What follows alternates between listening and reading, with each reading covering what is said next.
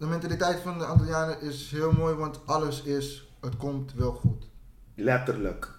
Het komt wel goed. Ja, waar blijkt dat uit? Omdat ook als ze zeggen, morgen met Gods wil, hebben we er ooit van gehoord? Dan moet je ook Morgen, morgen met Gods wil. En dat is een standaard gezegde. Iedereen zegt dat. Tema Janko Dioske. Tot morgen met Gods wil. Het is eind december 2020. Aan onze eettafel zitten Ellie en Juni, vrienden van ons, mijn vriend Rashid en ikzelf. Ze vertellen over het eiland waar ze alle drie opgroeiden. Het eiland dat ik de afgelopen zes jaar steeds iets beter leer kennen. Curaçao. Weet je van, het komt goed en ik zie je morgen. Weet je, het gebeurt wel. We zijn laat. Maar ik zal er wel zijn. Weet je. En ehm, toen ik in Nederland kwam en toen, toen dat ik echt leerde van tijd is tijd. De trein gaat om 16 uur 40 en de trein gaat om 16 uur 40. Ehm, een grote tuin waar je gewoon van alles nog wat kan doen. Honden Eh. in de tuin. Honden in de tuin, dieren in de tuin, hagedissen overal, Heel veel planten. Wat vogels, voor dieren? hagedissen. Ja, wat nog meer? Die blauwe hagedis, die bla bla. Bla bla. Ja, zo doen we ze. fucking vieze dieren. zijn. Leguanen, Leguanen overal. Wat staat bij jou geiten. Bij mij, ja, we hadden altijd geiten, schapen, honden. Veel De plek die ze beschrijven, de huizen, de dieren, maar ook de warmte van het klimaat en de mensen, dat herken ik wel. Maar met elk gesprek dat ik voer met onze vrienden, of met Rashid in het bijzonder, realiseer ik me ook vooral hoeveel ik nog niet weet. Wat ik niet begrijp. Bijvoorbeeld hoe het is om 8000 kilometer verderop op te groeien en nu in Nederland te wonen. Of hoe anders het leven van Rashid, Juni of Ellie eruit had gezien als ze niet ooit op dat vliegtuig waren gestapt. Het is lastig te zeggen. Het, is, het zou sowieso anders zijn, maar ik denk niet dat... Gelukkig nee. En als ik Rashid dat hoor zeggen, dan ben ik natuurlijk blij dat hij hier in Nederland is. Niet in de laatste plaats voor mezelf. En ik prijs mezelf een masselaar dat een bezoek aan mijn schoonfamilie altijd gepaard gaat met een heerlijke, ontspannende strandvakantie. Maar met elk bezoek, elk gesprek met Rashid, kom ik er ook steeds meer achter dat het eiland en het verlaten ervan complex is. En ik kan het mezelf ook eigenlijk best wel lastig voorstellen om mijn eigen land of stad zo definitief achter me te laten. Om praktisch zonder familie of vrienden zo ver weg helemaal opnieuw te beginnen. En ik vind het zo verwonderlijk dat het voor zoveel Antillianen zo vanzelfsprekend lijkt. Met een nadruk op lijkt. Want het is naïef om te denken dat Antillianen in Nederland het allemaal maar van een leien dakje gaat. Wie het nieuws de afgelopen tijd heeft gevolgd, kon lezen dat bijvoorbeeld Antilliaanse studenten, zoals ook Rashid, Juni en Ellie waren toen ze hier naartoe kwamen, het lastig hebben in Nederland. De Nationale Ombudsman deed hier afgelopen jaar zelfs onderzoek naar en spreekt zich nu voor deze groep specifieke uitdagingen uit. Maar onderzoeken zijn slechts cijfers en conclusies. Ik ben nieuwsgierig naar het verhaal daarachter. Hoe het is om als Curaçaoenaar in Nederland te zijn hoe het was om hier naartoe te komen. En ik wil de achtergrond waartegen mijn vriend opgroeide goed snappen. Mijn naam is Tess van Genderen en in deze podcast miniserie ga ik op zoek naar dat verhaal. Een verhaal dat eigenlijk ook niet maar één verhaal is. En dus spreek ik met meerdere Curaçaoenaars op zoek naar antwoorden op de vragen die ik heb naar aanleiding van dat niet nuchtere, maar wel oprechte gesprek aan onze eettafel eind 2020. Ik kom uit Curaçao met een Nederlands paspoort. Voor een algemene Nederlander ben ik nog steeds een buitenlander. Ik spreek mijn gasten vanuit hun identiteit als Antilliaan, maar ook vooral vanuit hun expertise. Zoals bijvoorbeeld de burgemeester van Houten, Gilbert Isabella, die tevens rijksvertegenwoordiger was van de BES-eilanden. Het hoort bij Nederland, de drie eilanden, maar het is geen Nederland.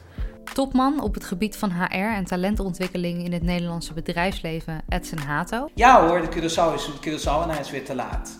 Hè, dan hoeven je dat niet meer te zeggen, maar het is zo, ik ben weer te laat. Wend er maar aan. Nou, waar waren wij? En psychologe en gezinstherapeute Gladys Brinkman-Regina, om de boel een beetje te duiden.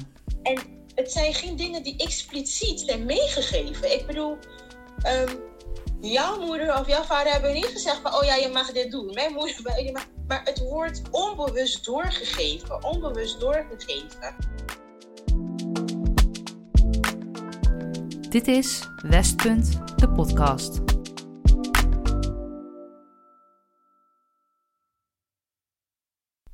Als eerste spoelen we even een stukje terug.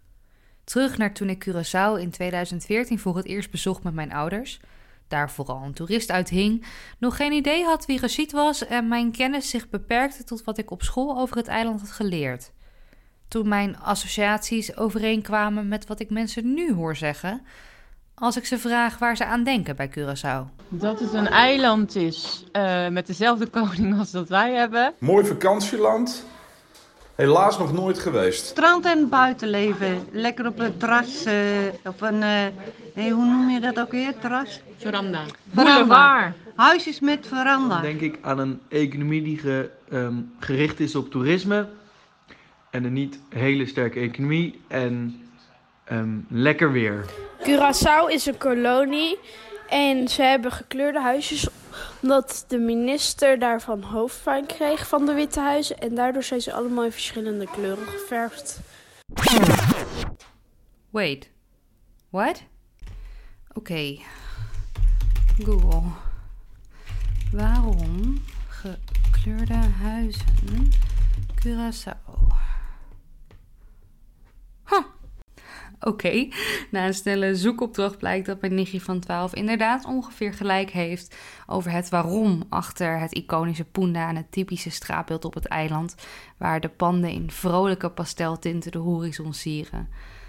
De van oorsprong kalkpleister witte huizen moesten vanaf begin 1800 per verordening van de gouverneur in een kleur geschilderd worden.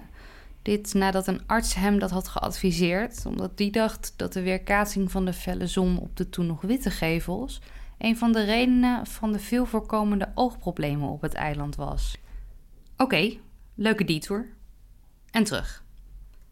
Ah ja, Curaçao. Al deze mensen weten natuurlijk best wel dat er meer is op Curaçao dan mooie witte stranden, palmbomen en gekleurde huisjes. Net als dat ik dat ook weet. Maar zoals vaker het geval, krijg je daar als toerist maar weinig echt van mee. Cultuur is taal, eten, muziek.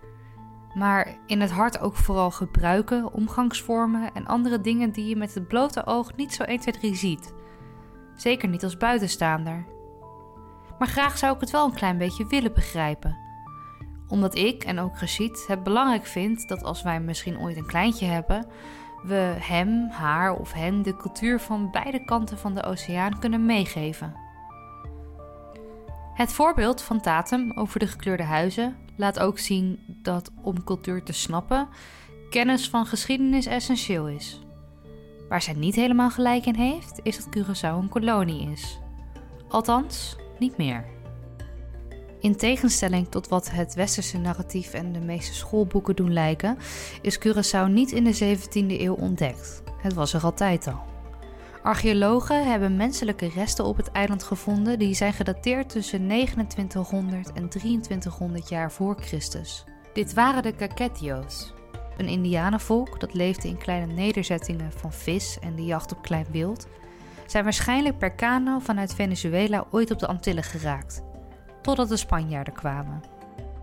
Vijftien jaar nadat de Spanjaarden voet aan wal hadden gezet, zijn de meeste Kaketio's ofwel bezweken aan geïmporteerde ziekten, of als tot slaafgemaakte doorgevoerd naar andere Spaanse gebieden in de regio. Maar op Curaçao was verder weinig te halen. En na verwaarlozing door de Spanjaarden vond een deel van de oorspronkelijke bewoners haar weg terug naar het eiland. Maar de WIC vond het en na een overwinning op de Spanjaarden gebruikte Nederland Curaçao vanaf 1634 als uitvalsbasis voor de handel en kaapvaart. De ligging van Curaçao ten opzichte van zowel Spaanse koloniën als het vasteland was gunstig en in de anderhalve eeuw die volgde groeide Curaçao uit van een handige handelspost tot het epicentrum van de handel in tot slaafgemaakte. De meeste mensen werden na een korte pauze van aansterking op het eiland verscheept naar Midden- en Zuid-Amerika. Een deel van de Afrikanen bleef achter op Curaçao en kwam veelal terecht op de plantages. Ergens in diezelfde periode wordt er door de WIC een missie uitgezet om de eilanders beschaving bij te brengen. Ik weet sinds ik 11 ben dat de WIC in 1791 failliet ging. Drie jaar geleden hoorde ik pas voor het eerst over Tula, een welbespraakte, onbevreesde tot slaaf gemaakte man op plantage Canepa, nu beter bekend als Knip, onder wie een gigantische slavenopstand op Curaçao realiteit werd. In 2019 bezocht ik de plantage Canepa, waar museum aan Tula en de tot slaaf gemaakte is gewijd. Ik vroeg onze tourguide waarom er een gat in de vloer op het terras was uitgehold. Zodat zwangere vrouwen op hun buik konden liggen om de zweepklappen te kunnen incasseren. Laatst vond ik een boek dat werd gebruikt bij geschiedenis toen ik elf was. Een heel hoofdstuk beschreef de economische en bestuurlijke Nederlandse grootsheden op Curaçao. Het verhaal van Tula was gereduceerd tot één alinea. Zijn naam werd niet genoemd. De kuil ook niet. Na het faillissement van de WIC in 1791 wordt Curaçao een Nederlandse kolonie en staat het onder volledig Nederlands bestuur. Het eiland telt dan een kleine 12.000 inwoners, van wie de helft ongeveer tot slaafgemaakte is. De andere helft was een bonte verzameling aan Europeanen, Joden met een veelal Portugese achtergrond en vrije inwoners van deels Afrikaanse afkomst. Maar per saldo heeft 95% van de inwoners niets te zeggen over het bestuur en is rechteloos. Uiteindelijk schaft Nederland de slavernij in 1863 als laatste af. Maar het brengt de grotendeels zwarte bevolking geen welvaart, geen gelijkheid en al helemaal geen inbreng over bestuur. In de praktijk verandert er eigenlijk niets. De slavernij is weliswaar afgeschaft, maar Nederland verzint nieuwe dingen om te onderdrukken en ongelijkheid vast te houden. Zoals bijvoorbeeld in de religie. Na afschaffing van slavernij wordt de kerk opgeworpen als belangrijkste waardebrenger en werkte zij nauw samen met de overheid zodat mensen gedwongen werden om heidense religieuze traditie ondergronds te bewaren en door te geven. Geloof had de voormalig tot slaafgemaakte helpen overleven en het hield hen op de been. Onderdrukking zette ook door middels onderwijs.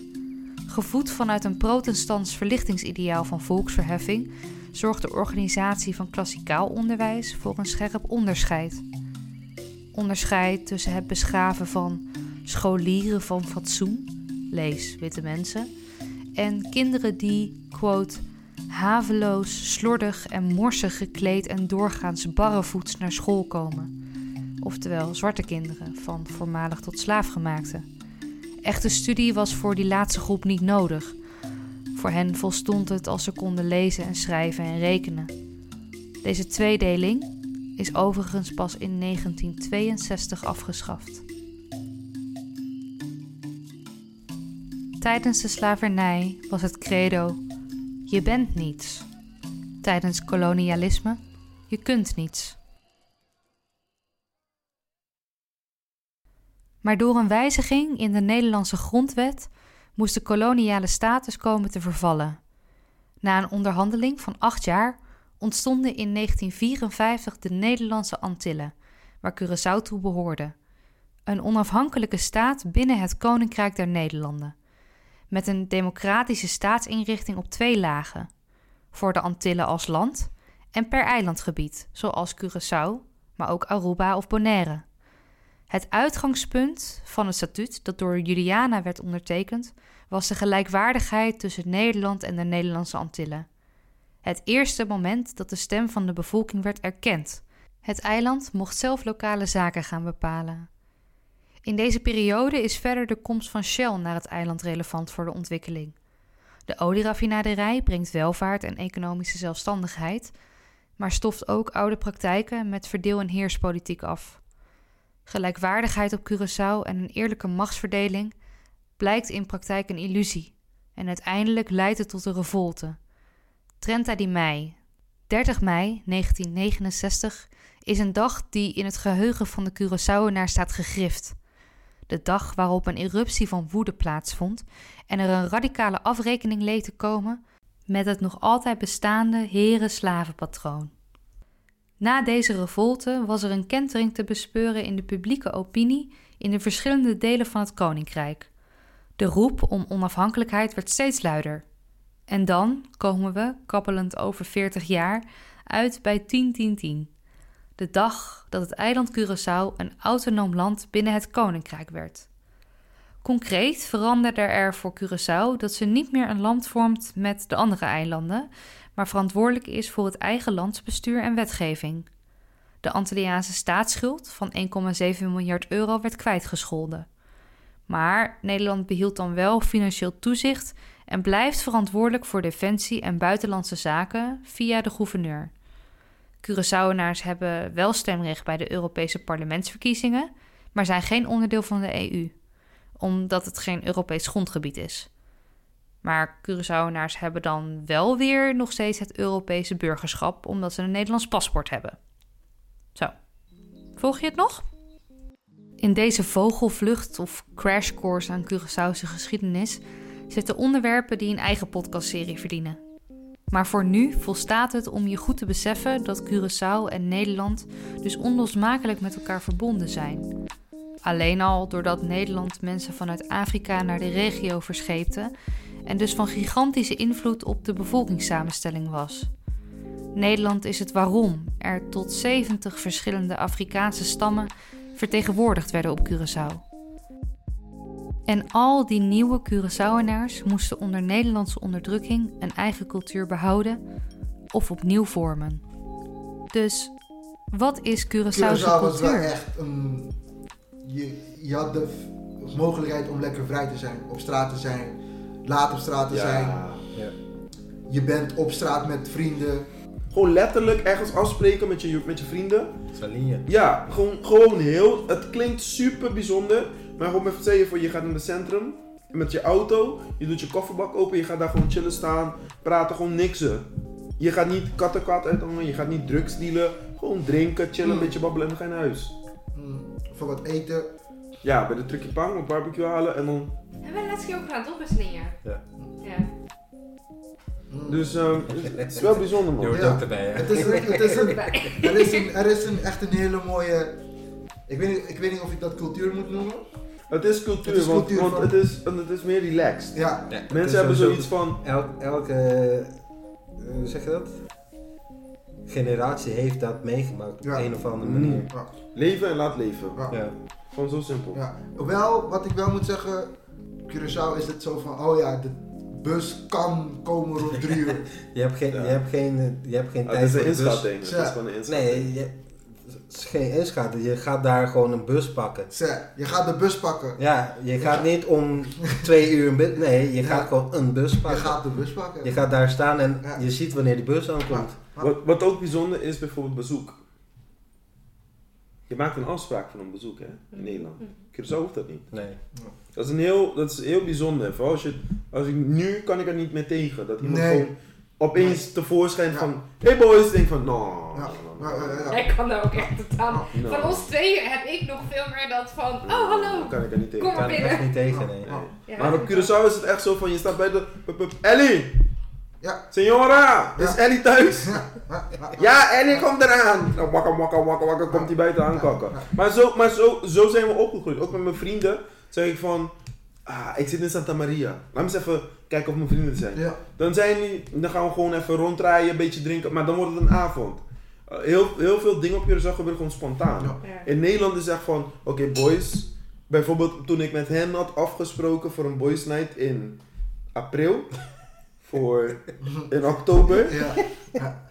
Ja. Moet ik dat ver van tevoren afspreken. Op Curaçao nee. Op Curaçao zou ik zo zeggen van... Shido, ik kom je ophalen en dan gaan we rondrijden. Hey, wat Ellie gaan we opzoeken? Ja, ja, kom maar. Ellie, Ellie is thuis? Ja, oké, we gaan maar. Is hij niet thuis? Dan bellen we hem op. Waar ben je? Kom, je gaat met ons mee. Ja. Ik heb een afspraak gemaakt met kunstenaar Kevin Oseppa, een Curaçaose fotograaf die nu in Nederland woont. Iets meer dan een jaar geleden kwam ik zijn werk online tegen. Mystieke foto's van Curaçaose gebruiken en rituelen waar ik nog nooit van had gehoord, maar wel direct honderd vragen over had. Gebruiken en rituelen die voor Rashid dan weer net zo vanzelfsprekend zijn voor zijn familie, als dat het voor mij is om beschuit met muisjes te eten als er een babytje wordt geboren. Ik hoop dat Kevin me nog wat dieper mee de materie van de Curaçaose cultuur in kan nemen. Dan s'avonds laat eten halen bij een foodtruck in Salinja. Iets dat ik overigens iedereen die Curaçao bezoekt wel van harte aanraad. Uh, ik ben Kevin Osippa. Um, ja, ik ben beeldend kunstenaar. Ik werk met, uh, ik zei eerst altijd fotografie en film, maar nu is het film en fotografie. Um, en in mijn werk onderzoek ik Afro-Caribische identiteit. Um, ik ben zelf op Curaçao geboren en daar gewoond. En in 2012 ben ik verhuisd naar Nederland om, voor mijn studie. En ik heb een soort van hybride identiteit is ontstaan. Omdat Nederland voelt, voelt niet, niet, niet als thuis, maar Curaçao ook niet. Dus hoe ga je daarmee om? Dus Ja. dat is um, in mijn werk denk ik dat dat de rode draad is. Maar ja, spiritualiteit speelt ook een hele grote rol, seksualiteit. En dus ik, I'm trying to, in mijn hele werk probeer ik, I'm trying to map out that identity. Spiritualiteit staat in zijn werk centraal. Ik vraag Kevin wat het grootste verschil is tussen Nederland en Curaçao.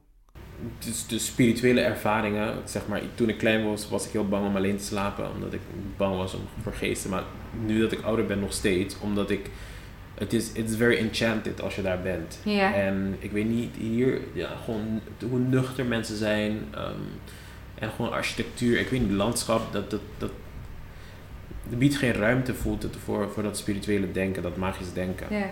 Als ik, als ik, heel plat gezegd, als ik op Curaçao op Bandabouw, aan de westenkant loop, dan voel ik gewoon, I feel spirits. Ja. Basically. Maar daar, hier heb ik dat niet. Ik, Nee? Het kan heel donker zijn, maar dan ben ik meer bang dat, ik, dat, ik, ehm, dat iemand mij komt overvallen bijvoorbeeld, dan voor een spirit.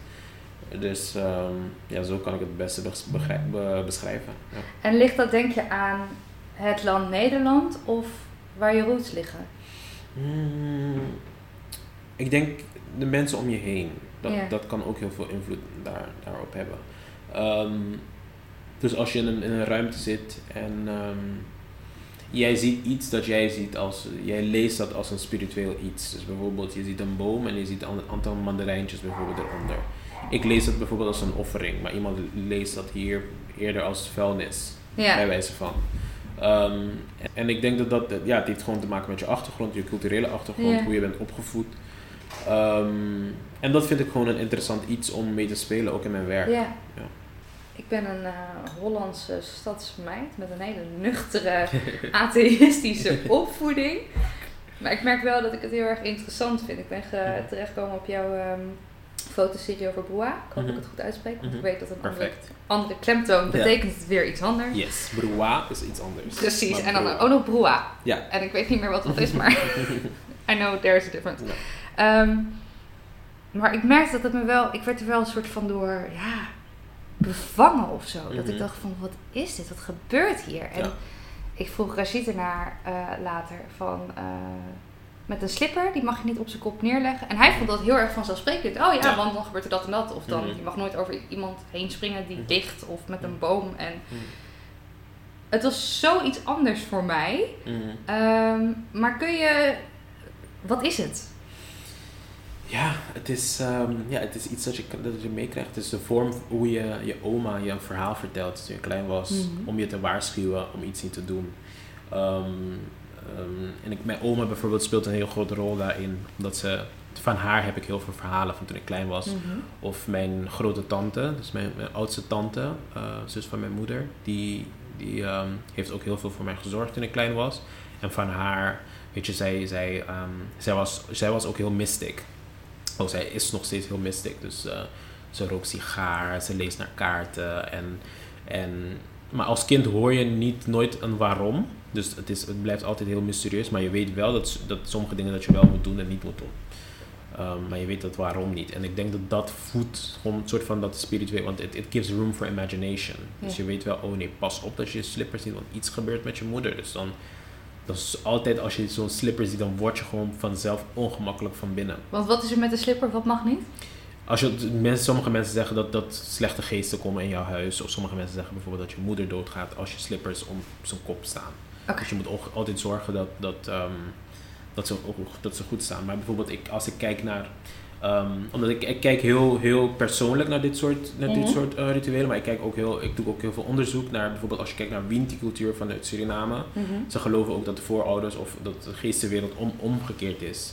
Ehm, dus, dat het, dat het, dus we are walking like this. Dus wij, wij lopen recht, maar die zijn onder ons, zeg maar. Een soort parallel spiegelbeeld precies. Oké, ja. En op het moment dat je je slippers omdraait, dan Ah. krijgen ze toegang. Bijvoorbeeld, zo, zo wordt het ook daar gezien. Dus dat zijn, dat zijn als, je, als je gewoon kijkt naar de geschiedenis, of als je kijkt naar, als je breder gaat met zo'n onderzoek, dan, dan merk je wel dat er een soort van parallels zijn. Ik ken ook- Tussen Pinti en, en Curaçao. ja, en Brua en ook Ja. van al- alle Afro-Caribische ehm, ja, spirituele uitingen bijvoorbeeld. Ja. Die hebben een soort van link. Cubaanse Santeria bijvoorbeeld, Ja. die speelt, speelt ook een heel grote rol. Als je kijkt naar hoe wij ook omgaan met heiligen. Bijvoorbeeld heiligerij ehm, op, op de eh, Antillen en ook op Cuba. Dus je hebt bijvoorbeeld een, een katholieke ehm, saint in je huis. Mhm. Maar die staat voor een Afrikaanse god of godin. Oké. Ehm, en dat was een, een echt na, na de koloniale, eh, dus echt in de koloniale tijden, ook vlak daarna, mochten mensen niet iets zijn, ze mochten alleen katholiek zijn. Ja. Dus op, moment, op, op dat moment moest je een oplossing bedenken en om zichzelf te beschermen hebben ze dan een christelijk beeld in huis. Dus Ja. wanneer de politie komt of, of de priester langskomt, die ziet een katholiek en denkt, oké, deze persoon is katholiek. Mhm. Maar daarachter schuilt een Afrikaanse god of godin. Ja. Dus het is een soort van oplossing dat ze hebben gevonden. En ik vind dat een, een soort van the biggest middle finger, you know. En dat tot, tot de dag van vandaag leeft. Dat, dat vind ik... Weet je, het is een manier dat mijn voorouders hebben gevonden om, om toch verder te kun- kunnen gaan onder de radar. Ja, het is ook een vorm Ehm, van protest bijna. Exactly. En dat vind ik, dat, dat, dat, en dat is wat Brua is voor mij. Het is, het, is, het is ook een vorm van protest. Ik heb daar ook heel veel respect voor. Ehm, ik, eh, en heel veel mensen vragen aan mij, geloof je daarin of niet? En ik heb wel een aantal ervaringen dat ik niet zo heel goed kan verklaren. Ja? Ehm, Bijvoorbeeld? Ehm, bijvoorbeeld, ik, de kloof bijvoorbeeld, dat ik net vertelde, ik ben een project aan het maken over de kloof. Dat is een, een lange weg, die kent heel veel geestespookverhalen. En vorig jaar in november moest ik ehm, eh, gaan draaien aan de westkant van. Curaçao, aan, aan het strand. En zes uur in de ochtend rijden we op kloof binnen. En op het moment dat we binnenrijden, al mijn lampen gaan uit van de auto. Gewoon ineens, opeens. Ik had een hele oude jeep. Toen heb ik dat aan de kant van de weg gezet. ehm, en echt, we waren aan het proberen, niks lukte, niks lukte. Uiteindelijk moesten we wachten tot de zon opging om Ja. verder te rijden. Ehm, maar, maar op dat moment heb ik, ik heb gewoon alle, gewoon mijn angst een beetje weggezet. En ik dacht van, dit moeten we nu oplossen. En ik heb dat nooit eh, als, als een soort van spirituele ervaring. En ik had zo'n zo'n protection ehm, bracelet. En aan de avond heb ik gezien dat zeven van die bonen zijn weg, ze zijn kapot gegaan. Wat is een protection bracelet? Het, is, eh, het, is, het heeft een eh, soort van, het heeft ehm, ja, bonen eraan. Die bonen zijn rood en zwart. Die heb ik gekregen van mijn moeder. Ja. En die is dan gewoon, zeven van die steentjes zijn kapot gegaan. Ehm, Bizar. Maar ik heb dat toch nog steeds niet weggelegd als een spirituele. Ik dacht gewoon, ja, toevallig, weet je. Ik ben gaan zwemmen, ik weet niet. Ik, ben, nu- ik was op productie, ik was misschien ruw. Ehm, maar een jaar later, als ik mensen interview en hoor spreken over Kloof en over die plek, dan denk ik wel, ja, dan. Dit is wel, ja, dit, het is wel iets te toevallig om dit niet mee te nemen. Ehm, ja. in elk geval dat het vreemd was, als ik jou Precies, zo hoor. Precies, ja. Dus dan, dan, ja, dan denk ik, maar ik ben ook opgegroeid met dat magisch denken en dus dat, dat zit heel erg in mij. Ja. Ehm, so embrace it. Ja. Geeft het je ook rust? Of, of geeft, brengt het je nog iets extra's? Mm. Ja, het brengt mij, het, het is een manier, het is hoe mijn familie liefde communiceert aan mij. Ja. Dat mijn moeder mij zo'n bracelet geeft, zij weet dat dat mij gaat beschermen. En op het moment dat ze dat geeft, dan weet ik dat, dat zij dat met liefde geeft. Omdat she wants to protect me. Als toen ik klein was, als ik hoor verhalen van mijn grote tante die zegt van ik was je met blauwsel, met dat blauw spul dat ook heel vaak in mijn werk zit. Dat is dan ook een beschermingsritueel voor baby. Dat is haar manier om mij, haar soort van oneindig liefde voor mij te tonen op dat manier. Dus in die zin vind ik dat wel, dat geeft me wel een soort van, I know that the people around me, they care about me. En zo communiceren ze dat. Ja. Ja. En ehm, heb je zelf bijvoorbeeld een kinderwens? Dat is heel persoonlijk nu. Goeie vraag, ja, eigenlijk wel. Ja? En ik zeg altijd, ik ga mijn kinderen niet in de kerk dopen, maar ik ga zo'n, zo'n ja, kan ik bijna niet zeggen, maar ik ga zo'n broa ritueel, zo'n Ja. broa feest doen als een soort van een doop. Ik was er met blauwsel. Ik denk dat dat aan iedereen uitnodigen, omdat ik dat Ja. heel mooi vind. Omdat het sluit gewoon heel goed aan bij wie ik ben als persoon en, en, en mijn culturele achtergrond, weet je. Ik wil dat echt I want to embrace that. En als, begrijp ik het goed als je eigenlijk zegt van het is niet eens zozeer dat ik echt denk dat het blauwsel mijn kind dan beschermt, maar het is Mhm. meer een soort van het doorgeven van de verhalen en de liefde die daarbij gepaard gaat. Ja, ja, maar ik, ik geloof wel toch nog. Ja, ik vind het woord geloof moeilijk, maar Toch een Ehm, beetje misschien? ja, eigenlijk wel, ja. Ik, ik, want het, het, het, ik denk niet, het, het is niet voor niks. Het, het, he- het heeft het gedaan. Het komt ergens vandaan. Ja, precies. En Ja. wij hebben dat allemaal gehad als kind en dat heeft ons beschermd.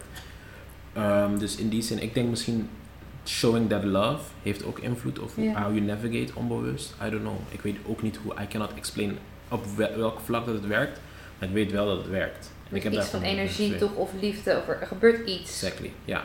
Ja. Dus, ehm, ja, dus in die zin ben ik wel. eh, ik geloof erin. Ja. let let Ja, maar me dat just is toch- ja, dat- Let me misschien just come out and it, ja. Ja. Ja, ehm, ik heb ergens volgens mij op jouw website of bij een van je projecten gelezen ehm, dat er ook nog een soort van taboe op zit. Ja. Wat is dat? Kun je dat beschrijven? Mm, dus dat woord broa. Broa is, is eh, als je denkt aan, als je zegt iemand doet aan voodoo, dat heeft als een hele negatieve connotatie. Maar dat heeft Hollywood deels ook voor gezorgd. Dus als je kijkt naar hoe Hollywoods films over voodoo, dan is het heel bloederig en heel met zo'n pop en dan met een mes dark. daardoorheen. It's very dark, it's very evil, it's very black magic. Maar als je wat je ziet heel vaak met dit soort ehm ehm, religies, dat het, het is heel kleurloos. Dus je, je kan het je kan zelf de heilige gebruiken voor bescherming, dat je kan gebruiken om iemand iets kwaads aan te doen. Ja. Dus it's what you do with it, then it becomes something.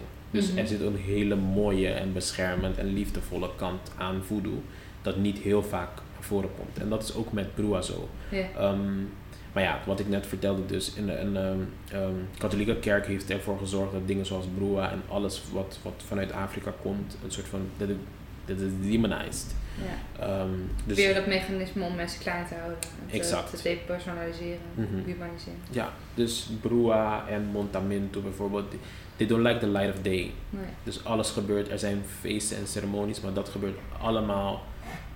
Als je, als je het weet, weet je het waar het is. Als Ja. je goede contacten hebt, maar als je dat niet hebt, dan, dan zie je dat ook niet. Zoals met taboe topics. Exactly. Ja. Dus offeringen, bijvoorbeeld, je kan bij een strand komen en je ziet een offering, maar je ziet nooit wanneer het gebeurt. Dus het gebeurt altijd heel. ehm, en er, is, er heerst een heel grote geheimzinnigheid. Ehm, en ergens, I embrace that because it's mystic. Dus ik, ik, vind, ik snap wel dat dat wel daar moet gebeuren. Maar als het gaat over bescherming en als het gaat over ehm, ja, dat liefde. En, en ik, vind- ik vind wel, en daar ben ik een beetje bij de hand in, dat het wel meer gezien mag worden.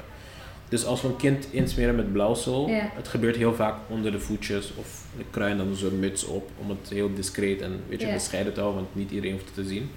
Maar ik vind wel dat het gewoon, het mag op het voorhoofd bijvoorbeeld voor mij. Because it's, it's beautiful, let's show it, you know? Ehm, je benoemde daar ook inderdaad, nou ja, wat je net zegt, de, de geheime positie ten opzichte van een onderdrukker. Eh, Mhm. Historisch is het dan het Nederlands of het witte bewind. Is dat er nog steeds op Curaçao, naar jouw mening? Is er nog steeds een onderdrukker? Hmm, ja, dat, dat, ja. Ja. Ik denk het wel. Als je kijkt gewoon in de bigger scheme of things, relatie Nederland-Curaçao, als je kijkt in de politiek, ehm, er is, er, ik, ik- ja, er is nog steeds een onderdrukker, ehm, maar er is ook heel veel resistance voor, voor verandering. Dus mensen zijn heel bang Mhm. dat op het moment dat Nederland iets wil doen, dat het ook met slechte intentie is. Of dat het weer, ze willen het terugdraaien naar de koloniale tijden. Dus er, Het is echt een trauma. Precies. En het is, het, het is, een, op, het is een oprechte. eh, ik, ik snap het trauma. I, I get it. En ik, er zijn ook soms. Maar er is ook weinig vertrouwen vanuit. Wat dan gaat over respect. Want er is heel veel gebeurd. Er is heel veel corruptie geweest. Maar er zijn ook heel genoeg mensen die dat goed willen doen op Curaçao. Ja. En ik denk dat wat ze eisen is gewoon respect. You know? Ja. Respect that I can. That I have good people that can manage the money. Weet je, je geeft geld. Ehm, laten we dat samen doen. Laten we gewoon samen zitten en dan kijken naar een oplossing. Maar don't take our autonomy, dat we heel, heel hard voor hebben gewerkt, weg. Mensen willen dat niet.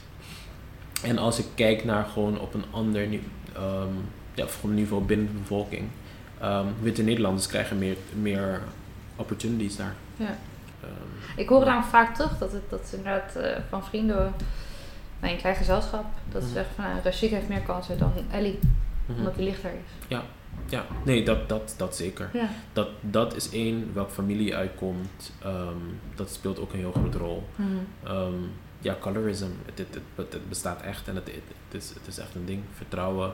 Ehm, en ik maak het zelfs mee daar. Bijvoorbeeld, ik ging een keertje ehm, apparaat huren bij een ehm, bedrijf daar voor, eh, voor een film. En ik moest de apparatuur ophalen. En toen kwam ik naar binnen en ze zegt die mevrouw tegen mij van... Oh, jij komt he- hekwerk installeren. Weet je, because that's what I am, you know. Ja. But when the white guy comes in, he hij komt voor apparatuur. En dat is heel, dat, dat, dat, dat, dat is pijnlijk. Als kunstenaar merk ik ook dat ik, ehm, wat je zegt, het, het toeristische blik, ik, ik, ik bevraag ook mijn eigen blik Mhm. vaak. Ik kom vandaar, ik ben daar opgegroeid. Wat ik net zei, ik heb, ik heb een hele nostalgische blik. Ehm, omdat ik, ik, ik, als, ik, ik kijk vanuit mijn jeugdherinneringen. Ja. Ehm, en soms heb ik ook, omdat ik hier acht jaar heb gewoond, ook, heb ik ook een deel van identiteit. Ja, mijn identiteit. Ik was 17 toen ik verhuisde. Ja. Dus Best jong, ja, best vormende precies. periode nog. Exactly. Dus ik, heb, ik, ik, heb, ik, ik worstel ook een beetje, ik bevraag ook van hoe ik, hoe ik naar dingen kijk. Ik, ik heb toch nog een soort van outsider perspective soms. In Nederland. Nee, dus vanuit Nederland als ik naar Curaçao ga. Oh, Ja. zo. Ja, ja, oké. ja. Dus ik voel toch soms een, een soort van, dat ik, dat ik ook een soort van toeristische blik heb. Mhm. Dus dat bevraag ik ook heel vaak als ik, als ik werk maak. ehm, van hoe, weet je, ik ben Curaçaoenaar, ik, I, I'm very proud of that. Maar toch, toch, toch heb ik dat van hoe, hoe how much of a, of, of a person of Curaçao am I? Ja. Oké. Hoe, hoe ga je daarmee om? Vind je dat lastig? Ja, soms. Ja, als ja, kunstenaar ben je, je bent de hele tijd, je, je, je moet kritisch zijn. Als je Mhm. werk maakt, moet je kritisch zijn. Ehm, en ik vind het soms wel lastig, omdat ik, ik I want to touch on some topics en ik wil een aantal dingen aanraken, maar ik bevraag mezelf van, mag dat eigenlijk? Ja. Zelfs. En ik denk dat aan de andere kant dat, dat het wel goed is om kritisch te zijn, want dan, dan je, zoek ik verdieping. Maar ik vind het wel lastig ehm, als het gaat over mijn identiteit, want ik, ik wil gewoon 100% zeggen van, nee, tuurlijk mag dit, want ik ben van hier. Ja. This is mine. This is something I share. Ehm, en dat, dat, dat voel ik ook, maar soms toch heb ik zoiets van, hmm, hoe ik daarnaar kijk is toch best wel influenced by Europe. Oké, ja. Heeft het dan ook te maken met hoe intiem een onderwerp is? Ik kan me ook voorstellen dat er bepaalde dingen zijn waarbij dat minder lastig is dan Mhm. bij andere zaken. Als je het hebt over spiritualiteit of Ja. eh, religies van het eiland, het Mhm. slavernijverleden. Dat, Mhm. dat, dat, dat is ja, intiemer bijna. Ja, ja ik, denk de, ik denk dat dat, het, eh, ja, dat speelt ook een rol. Maar het, is, het, het, het heeft te maken met het, op het moment dat ik kritiek wil geven. Daar. Ja, oké. Dus ehm, in mijn werk speelt eh, seksualiteit en masculiniteit een heel grote rol. En ik geef heel vaak kritiek op hoe, dus homofobie. Dus ik als, als homoseksuele man, als ik naar daar ga, voel ik me niet als thuis. I feel rejected. Omdat Mhm. homoseksualiteit is, wordt gezien als iets dat niet, it doesn't combine with the identity. Dus je kan Curaçaoenaar zijn, maar je kan geen Curaçaoenaar Waarom niet? Kun je als buitenstaander Ja. kun je dat uitleggen? Ja, dat, dat voel je, dat hoor je, hoe mensen dat zeggen. Het past niet in onze cultuur. Dat is niet Mhm. iets van on- onze cultuur, hoe mensen daar, daarom pra- over praten. Hoe, hoe iemands geaardheid is heel irrelevant op heel veel vlakken, maar toch wordt het gebruikt. Ik was laatst met iemand en die was mij ehm, aan het vertellen. Die zei, ja, ik, ik heb een homo in mijn klas en die heeft, die heeft dit en dit en dit en dit. Maar het was niet relevant dat hij homo was. Nee. Maar ze, de- de- ze willen dat duidelijk maken van he's, he's that, he's not this. En om terug te komen op dat, dat kritiek geven. ehm, ik geef heel veel kritiek op, op dat macho gedrag en macho mentality. Mhm. Ehm, maar het is ook heel erg beïnvloed door mijn Europese kant die ik hier heb geadopteerd. Ehm, wat ik niet 1, 2, 3 zou zeggen dat het slecht is, maar ik moet wel compassievol zijn, want er is wel een reden dat het zo is. Mhm. Dus dat, dat, dat there- there's this macho, macho cultuur, weet je. Ik, ik ben ook aan het onderzoeken van waar dat komt. Ik kijk ook naar het koloniaal verleden, wat, wat een relatie. Dus ik moet wel compassievol zijn op het moment dat ik kritiek wil geven. Dus ik kan Mhm. niet komen en denken van, ehm, we nemen Nederland als schabloon en dan kleuren we dat in daar. Nee, en dan is dat het werkt opgelost. niet. Dan doe je gewoon het verleden tekort. Exactly. Ja. Dus ehm, dat zijn de dingen dat ik bevraag waar, waar, ik, waar ik het eh, soms moeilijk heb. Ja. De struggle die Kevin beschrijft schuurt tegen meerdere culturele stereotyperingen over Antillianen aan. Machoïsm en wellicht ook het beeld dat Curaçaose vaders veelal afwezig zouden zijn. Ik leg het voor aan psycholoog en gezinstherapeute Gladys Brinkman-Regina. Waar komt dit toch vandaan? Vanwege de coronamaatregelen kunnen we elkaar helaas niet fysiek ontmoeten. Dus ik spreek haar digitaal. Je vader en je moeder. Zij hebben jou van alles en nog wat meegegeven. Sommige dingen hebben ze heel expliciet aan jou meegegeven. Zo doen we het. Maar er zijn onwijs veel dingen die niet expliciet zijn gegeven, maar wel meegegeven. En je ouders, die komen ook wel vanuit totaal verschillende gezinnen. Dus wanneer zij samen waren gekomen, moesten zij ineens dachten ze over, oh, ja, maar jij doet het net iets anders. Oh, jij Mhm. doet het ook iets anders. Mhm. En elke familie heeft ook hun eigen familiegeschiedenis. Van je grootouders van vaderskant of van je grootouders van, eh, van moederskant. Wat, eh, wat was belangrijk ehm, Mhm. in de familie van je vader of de familie van je moeder. Als je erover denkt, en als ik je nou die vraag moet stellen, dan, denk, dan komt er waarschijnlijk verschil. Dat je denkt van, oh ja, maar in die familie is dit en dit belangrijk en in die familie is dit en dit Ja. belangrijk. Het is allemaal misschien niet expliciet, maar het wordt meegegeven. Ja, dat snap ik wel. Stel je voor dat er ergens een trauma is.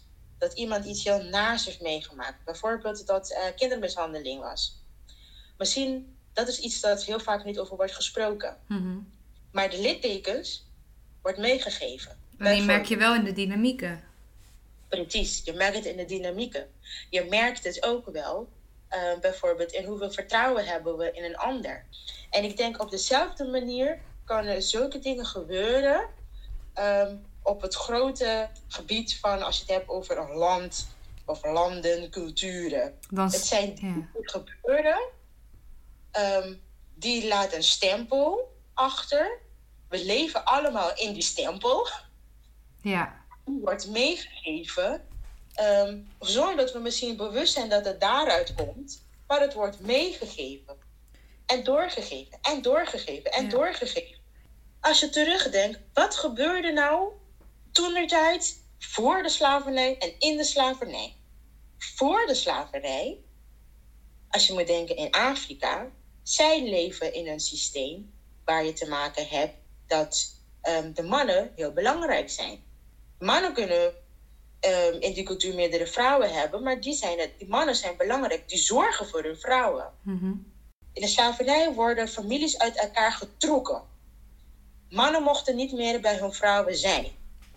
Ehm, en nog erger, mannen moesten kinderen maken, omdat er zijn meer slaven nodig. Mhm. Mannen worden van de ene plantage naar de andere plantage werden ze gestuurd. Dus ineens kreeg je het systeem dat mannen word- mochten eigenlijk niet meer voor hun gezin zorgen. Ze hadden een gezin. Ze, ze waren een soort van ehm, ja, ehm, machine geworden van Ja. we hebben slaven nodig, dus eh, gaan we meer kinderen maken. Dus de, de, soort, de virtue van gezinsvorming is uit een aantal generaties mannen gehaald. Precies. Ga maar werken daar, ga maar werken daar, weet ik veel. Wat gebeurt er nou? Nou, die vrouwen krijgen natuurlijk kinderen. Wat gebeurt met die kinderen? Die kinderen zijn natuurlijk bij hun moeders. Omdat de vrouwen moesten natuurlijk voor die kinderen zorgen. Kinderen moeten groot worden, want we hebben meer slaven nodig. Ja. Op dat moment heb je dus mannen en vrouwen die niet bij elkaar mogen zijn. Misschien is het kind zelfs gekomen niet omdat ze verliefd... Niet misschien. Vaak genoeg is het niet gekomen omdat ze verliefd op elkaar waren. Van joh, maar we hebben meer slaven nodig. Uit die mom. Ja. Vrouwen zorgen voor hun kinderen. Kinderen groeien op in een omgeving van ik ken mijn moeder, ik ken mijn vader niet. Vrouwen hebben het idee van joh, ik moet voor mijzelf en mijn kind zorgen. Dat lijkt allemaal heel lang geleden. Maar doordat er op Curaçao relatief weinig gesproken wordt over het slavernijverleden, is er weinig bewustzijn over dergelijke familiesystemen. En dus heeft het tot op de dag van vandaag zijn uitwerking. Ik zat een keertje in een sessie met een moeder en die moeder sprak over mannen op een bepaalde manier. Ja.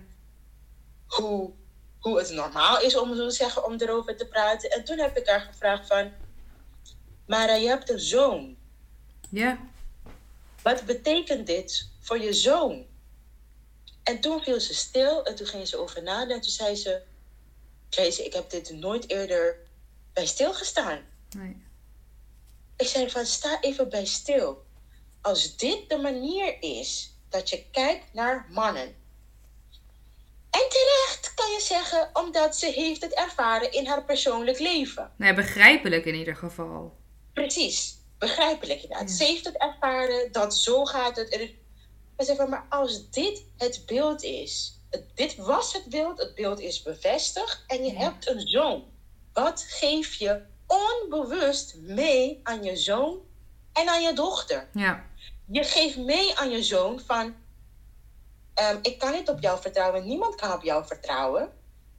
Dus je bent niet betrouwbaar. Eigenlijk verwacht ik dat jij eh, dingen gaat doen dat ik niet oké vind. Eigenlijk verwacht ik, je verwacht van allerlei dingen dat not oké is van je zoon. Je zegt tegen je dochter, je moet op eigen benen kunnen staan. Je kan niet op je man vertrouwen. Je, ehm, ook al zegt hij dat dit een trouw is, ehm, je moet altijd uitkijken. Self-fulfilling prophecy. Ik als vrouw stap in een relatie met wantrouwen. Die man, die jongen, die groeit op in een omgeving waarbij eigenlijk, als ik het heel hard kan zeggen, een omgeving die geen vertrouwen heeft in hem. Een omgeving die eigenlijk alleen maar slechte dingen verwacht. Ehm, dus om het goede te doen, wat een battle. En wat is er dan uiteindelijk nodig om dat patroon te gaan doorbreken? Ik denk bewustwording. En met diezelfde mechanismes wordt ook het colorism anno 2020 dat Kevin beschrijft op Curaçao verklaard. Kleur kunnen privileges betekenen op het eiland. En ik zeg kan omdat een grotere factor in de grondhouding ten aanzien van zulke zaken de sociaal-economische klasse is. Maar die wordt op Curaçao van oudsher dan weer bepaald door kleur. Een discriminatoire systeem dat tijdens de slavernij is ingevoerd om macht te vestigen, waaraan is vastgehouden ook na de emancipatie. Racisme was en is op Curaçao geen doel op zich, maar een middel om eigen posities en privileges veilig te stellen. En nog steeds is de economische macht op Curaçao vaker in handen van nazaten van slavenhouders dan van tot slaafgemaakten. Ehm, maar je hebt ook heel veel segregated communities, dus heel veel ehm, ehm, Spaanse water bijvoorbeeld, of, of, of ehm, Blauw, Blue, Blue Bay, of bijvoorbeeld Jan, eh, Jan Sofat, waar, waar heel veel witte Nederlanders daar gaan wonen in een soort van gated community. En dan reizen ze heel snel naar de Albertijn en dan alles gebeurt daar binnen. Dus er is ook weinig soort van ja, het mengen met de bevolking. Ja. Dat zie je ook weinig daar. En dan hebben we het echt over Nederlanders op Curaçao. Mhm.